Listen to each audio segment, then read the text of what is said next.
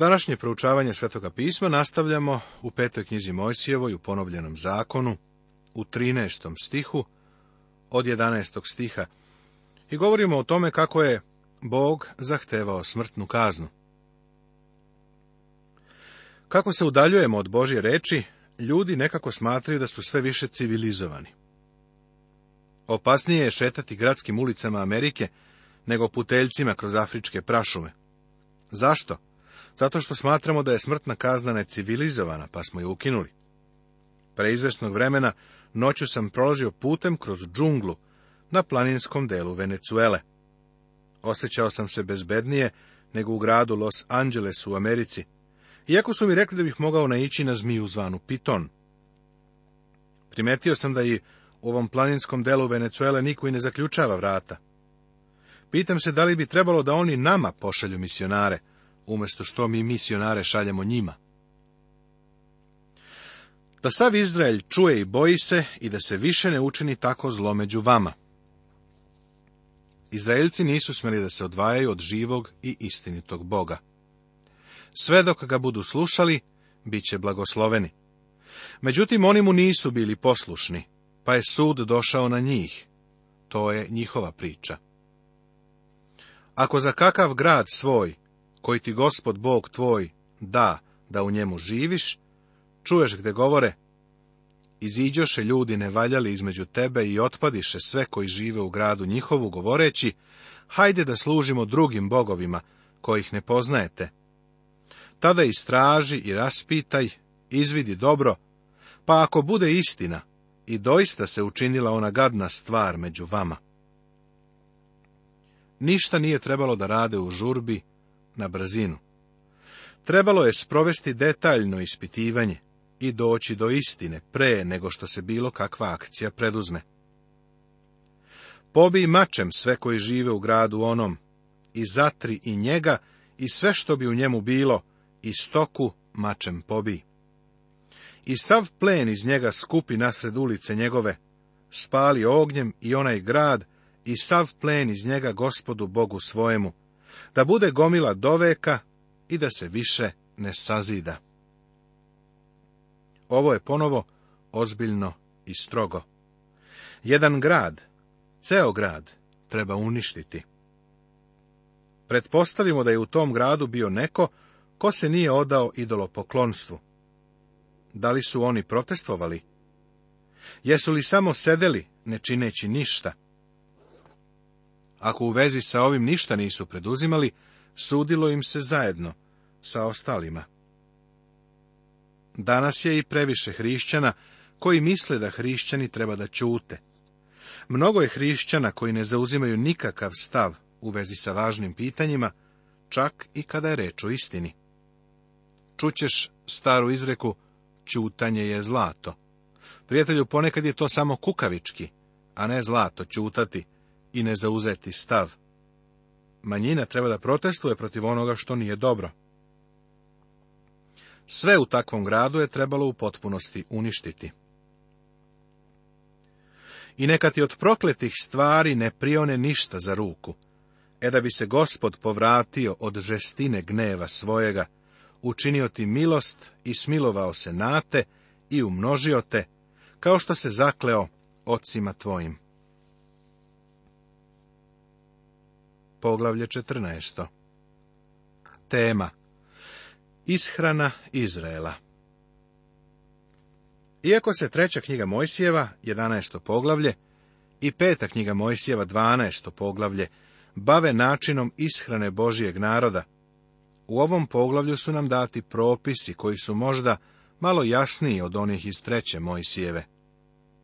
Razlog je taj što se zakon o ishrani, koji je zapisan u Levitskoj knjizi, sada već ispitao, odnosno isproban je za vreme 40 godina putovanja kroz pustinju. Paganski obredi su zabranjeni. Vi ste sinovi gospoda Boga svojega, nemojte se rezati, niti brijati među očima za mrtvacem. Jer si narod svet gospodu Bogu svojemu. I tebe izabra gospod, da si mu narod osobit između svih naroda na zemlji. Ovo je bila neznabožačka paganska praksa toga doba. Vidimo kako se ovo prenelo i na neka današnja plemena, koja još uvek unakažuju svoja lica. To je deo njihovog obožavanja, deo religije. Boži narod nikada nije smeo da učini ništa slično. Zakon o ishrani u knjigama koje sam posvetio trećoj knjizi Mojsijevoj, detaljnije sam obradio čiste i nečiste životinje. Način ishrane koji je Bog dao svome narodu bio je više od religioznog obreda. Oni su imali fizičku dobrobit zato što su držali te zakone. Ovo je provereno kroz vekove. Kada je pre mnogo godina Evropom zavladala kuga, jevrejska populacija nije bila skoro ni dotaknuta tom pošasti dok je veliki procenat ostalih naroda pretrpeo pomor. Zato su ostali narodi počeli da okrivljuju jevreje za kugu. Naravno, jevreji nisu sa tim imali apsolutno ništa, nego su ih njihove navike vezane za ishranu i način života zaštitile od pošasti. Živimo u dobu raznovrsnih načina ishrane i dijeta. Izgleda kao da su svi zato zainteresovani. Bog tebi i meni nije dao poseban način ishrane. Nema nikakve veze da li jedemo ili ne jedemo meso, bar što se tiče našeg odnosa sa Bogom. Međutim, ako poštuješ ove propise, možda ćeš na ovom svetu ostati nešto duže. A ako ih se ne pridržavaš, moguće je da ćeš u Božje prisustvo otići malo ranije. Sada će Bog jasno pokazati koje životinje su na spisku za jelo, a koje su isključene iz ishrane. Ne jedi ništa gadno. Ovo su životinje koje ćete jesti. Goveče, ovcu, kozu, jelena, srnu, bivola, divokozu jednoroga i kozu kamenjaču. I sve životinje koje imaju papke rascepljene na dvoje i koje preživaju između životinja, njih jedite. Ovo su čiste životinje koje su smeli jesti. Dva obeležja su označavala čiste životinje. Ova obeležja nam daju i duhovne lekcije. Papak, odnosno kopito, životinje je moralo biti rascepljeno, odnosno razdvojeno. Ovo je i simbolično predstavljanje hrišćanskog života. Razdvojen papak govori o odvojenom životu. Znam da je u hrišćansko ponašanje danas uneto mnogo legalizma. Ima mnogo ljudi koji se ne ograničavaju na deset zapovesti nego su dodali još nekih 25 drugih zapovesti i žive po njima. Ja ne verujem da je Bog na to mislio kroz sliku razdvojenog papka. Reč rascepljen ima dva suprotna značenja. Rascepljevanje znači odvajanje ili razdvajanje, ali može da znači i da je nešto pripojeno nečemu. Ovo važi i za odvajanje. Čovek može biti odvojen od nečega ili odvojen za nešto. Nije bitno to da smo odvojeni od određenih postupaka ili navika, nego je bitno to da smo odvojeni za Hrista. Kada si odvojen za Hrista, kada si sjedinjen sa njim, onda će tvoj hod pretrpeti radikalnu promjenu. Drugo obeležje čiste životinje bilo je preživanje. Duhovna pouka ovoga je u tome da treba da provodimo vreme u Božjoj reči nego mu je omilio zakon gospodnji i o zakonu njegovu misli dan i noć, kaže psalam prvi u drugom stihu. Prvi stih počinje rečima blago čoveku ili blagosloven je čovek. Blagosloven čovek se raduje i uživa u zakonu gospodnjem i razmišlja o njemu. Reč razmišljati, misliti, povezuje se sa idejom preživanja hrane ilustruje se kravom koja ima složen stomak. Kada ona ujutru pase travu, ta trava odlazi u jedno od komora njenog stomaka. U podne krava legne pod drvo, stane u hladovinu i preživa hranu. Tokom čega ta hrana se prenosi iz jedne u drugu komoru njenog stomaka. Preživanje podrazumeva ponovno žvakanje trave uz stalno ponavljanje. To je ono što mi treba da radimo sa Božjom rečiju. Stalno moramo da je iščitavamo i da razmišljamo o njoj. Nečiste životinje nisu ispunjavale ova dva zahteva. Neke su preživele hranu, ali nisu imale razdvojene papke. Svinja ima razdvojene papke, ali nije preživar. Takve životinje su proglašavane nečistim, pa ih je bilo zabranjeno jesti. Neke vodene životinje su takođe označene kao nečiste. A između onih što su u vodi, jedite ove. Što god ima pera i ljuske, jedite, a što nema pera i ljusaka, ne jedite, da vam je nečisto. Vodena stvorenja su se morala odlikovati dvema vidljivim obeležjima, peraja i ljuske. Tada su bile pogodne za jelo. Zatim slijedi spisak čistih i nečistih ptica. Veoma veliki broj ljudi se trudi da se stavi pod Mojsijem zakon. Takvi ljudi mnogo znaju o tome da se svinjsko meso ne sme jesti. Tako, kada me neko od njih počne grditi, zato što jedem svinjetinu, ja ga podsjetim na 12. stih. Sve ptice čiste jedite, a ove ne, orla ni jastreba ni morskoga orla. Pre nekoliko godina imao sam prijatelja lekara, koji je bio legalista. Stalno mi je ponavljao da ne smem jesti svinjetinu. Jednoga dana dok smo igrali tenis, pitao sam ga, da li si nekada jeo jastreba ili morskog orla? Začuđeno me je pogledao i rekao da i ne zna šta je to. Rekao sam mu, bolje bi ti bilo to otkriješ. Možda te pozovem na večeru i spremim ti pečenog jastreba. To bi bilo kao da si jeo svinjetinu. Odgovorio je, nisam to znao. Zatim sam ukazao da je bolje da sve to prouči, uputio sam ga na 11. poglavlje treće knjige Mojsijeve. Propisi o desetku Desetak daje od sveg roda useva svojega, što dođe s njive tvoje svake godine. I jedi pred gospodom Bogom svojim na mestu koje izabere da onde nastani ime svoje. Desetak od žita svojega, od vina svojega i od ulja svojega, i prvine stoke svoje krupne i sitne, da se učiš bojati se gospoda Boga svojega svagda. Bog je obećao da će svoj narod blagosloviti materijalno, ako mu budu služili. Od tog blagoslova trebalo je da daju desetak gospodu. Deset posto od svega što bi zemlja rodila, kao i od stoke. Deseti deo se jeo pred gospodom na svetom mestu. Ovo je bio poseban praznik i gozba pred gospodom. Onda učini u novac i uzev novac u ruku svoju, otidi u mesto koje izabere gospod Bog tvoj.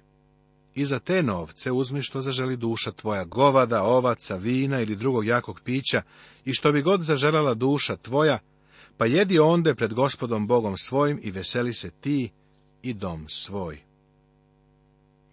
ako su živjeli predaleko od hrama, pa im je bilo daleko da donose desetak od prihoda od zemlje i stada, mogli su to da unovče, pa da kupe žrtvu kada dođu do hrama. Svake treće godine odvoji sav desetak od dohodaka svojih one godine i ostavi ga u svom mestu. Ako Boži zakon pažljivo istražuješ, vidjet da su oni plaćali tri desetka. To znači da je 30% svega što su imali išlo gospodu, a ne samo deset. Izgleda da je desetak odmah išao za hram, ali je postojao i ovaj desetak na kraju svake treće godine.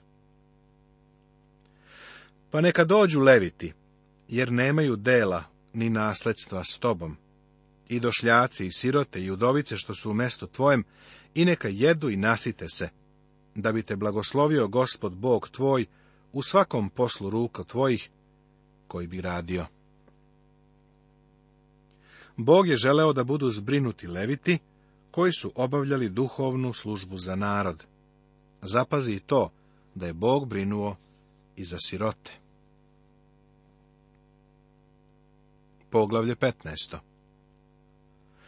Tema Božiji program za oskudicu Stalni rob Danas mnogo slušamo o programima za oskudicu, odnosno za siromašne. Ljudi su izumeli mnoge programe koji nisu efikasni. Bog ima program za oskudicu koji je efikasan. Zatim u ovom poglavlju imamo deo o stalnom, trajnom robu. I na kraju u ovom poglavlju nalazimo primjer savršene žrtve koje je Hristos. Subotnja godina Svake sedme godine opraštaj. Svaka sedma godina je subotnja godina. Te godine se opraštalo i otpuštalo. A opraštanje da biva ovako. Kome je ko dužan, što, neka oprosti što bi mogao tražiti od bližnjega svojega. Neka ne traži od bližnjega svojega ni od brata svojega, jer je opraštanje gospodnje oglašeno. Bog im je već bio rekao da zemlju svake sedme godine ne treba obrađivati. Sada ćemo više saznati o opraštanju svake sedme godine. Izraelac je mogao da uzme hipoteku samo na sedam godina i ne više od toga. Nije bilo gubitka hipoteke. Kada bi sedma godina istekla, novac koji je bio pozajemljen ili zalog koji je dat, bio bi u celini otpisivan. Ovako se bogatstvo ujednačavalo. Svaki čovjek je dobijao podjednaku mogućnost. Socijalizam, kakav se danas zastupa, ne uzima u obzir činjenicu da je čovjek grešno biće. Ako može nešto dobiti za džabe, onda se neće truditi da to zaradi, to je sigurno. Demokratija i kapitalizam, kakve imamo danas, dozvoljavaju ekstreme. Imamo ekstremno siromašne ljude koji ne rade, ali imamo i ekstremno bogate ljude koji također ne rade. Bog je za Izrael imao sistem koji je izjednačavao mogućnosti, tako da je siromašni čovek koji je stvarno želeo da radi imao priliku da nešto postigne. Boži sistem je bio zaštita od ekstremnog bogatstva i ekstremnog siromaštva. Od tuđina traži, ali što bi imao u brata svojega, ono neka mu oprosti ruka tvoja. Ovo pravilo je važilo za Izraelce. Svake sedme godine dug siromašnih se otpisivao, pa su ljudi imali priliku da krenu iznova. Da je Izrael ovo pažljivo držao, pogledaj šta bi se desilo. Da ne bi bilo siromaha među vama, jer ćete obilno blagosloviti gospodu zemlji, koji ti gospod Bog tvoj da u nasledstvo da je tvoja. Gde god čovek danas da ode, koji god narod da poseti, biva iznenađen krajnostima u bogatstvu i siromaštvu. Ovo važi u Europi, Aziji, Južnoj Americi, Sjedinjenim američkim državama i gde god da se ode. Na jednoj strani grada je krajnje siromaštvo, a na drugoj ekstremno bogatstvo. Ovo je posljedica čovekovog greha. Mogli bismo kriviti zato određene pojedince, naravno, ali je osnovni razlog za ovo čovekov greh. Da je čovek bio poslušan Bogu u vezi sa ovim, među njima ne bi bilo siromašnih, nego bi postojala ravnoteža u bogatstvu. Sve dok se srce čovekovo ne promeni, socijalizam onako kako je praktikovan u komunističkim zemljama, postaje najužasnije diktatorstvo koje se može zamisliti. Kapitalizam je bolji nego socijalizam, ali bez obzira na to da li je jedna zemlja socijalistička ili kapitalistička, osnovni problem je ljudsko srce. Bog je Izrael pozvao na poslušnost. Da su ga poslušali, siromaštvo bi bilo iskorenjeno. Mi smatramo da siromaštvo možemo iskoreniti programima skupljanja novca za siromašne. I šta se dešava? U ovom narodu uviđamo korupciju goru nego što je ikada bila. To je već sramota. Zašto? Zbog vrste ljudi kojom se bavimo. Nije greška u sistemu, nego u čoveku. Nema svrhe od toga da se promoviše jedan sistem, a da se sprovodi drugi. Sve dok se ne promeni srce čoveka, ni jedan sistem neće biti delotvoran. Bog se ovde prijatelju, bavi suštinom. Osnovni problem je čovečije srce. Šta bi se desilo da se celokupno bogatstvo ovoga naroda Ravnomjerno rasporedilo. Pa, za deset godina bi ga imao neko drugi, a ja bi opet bio siromašan. Tako bi bilo zbog onoga što je u srcu čoveka. Bog jasno pokazuje sljedeće, da se njegov program primenjivao, problem bi bio rešen. Nastavit će se.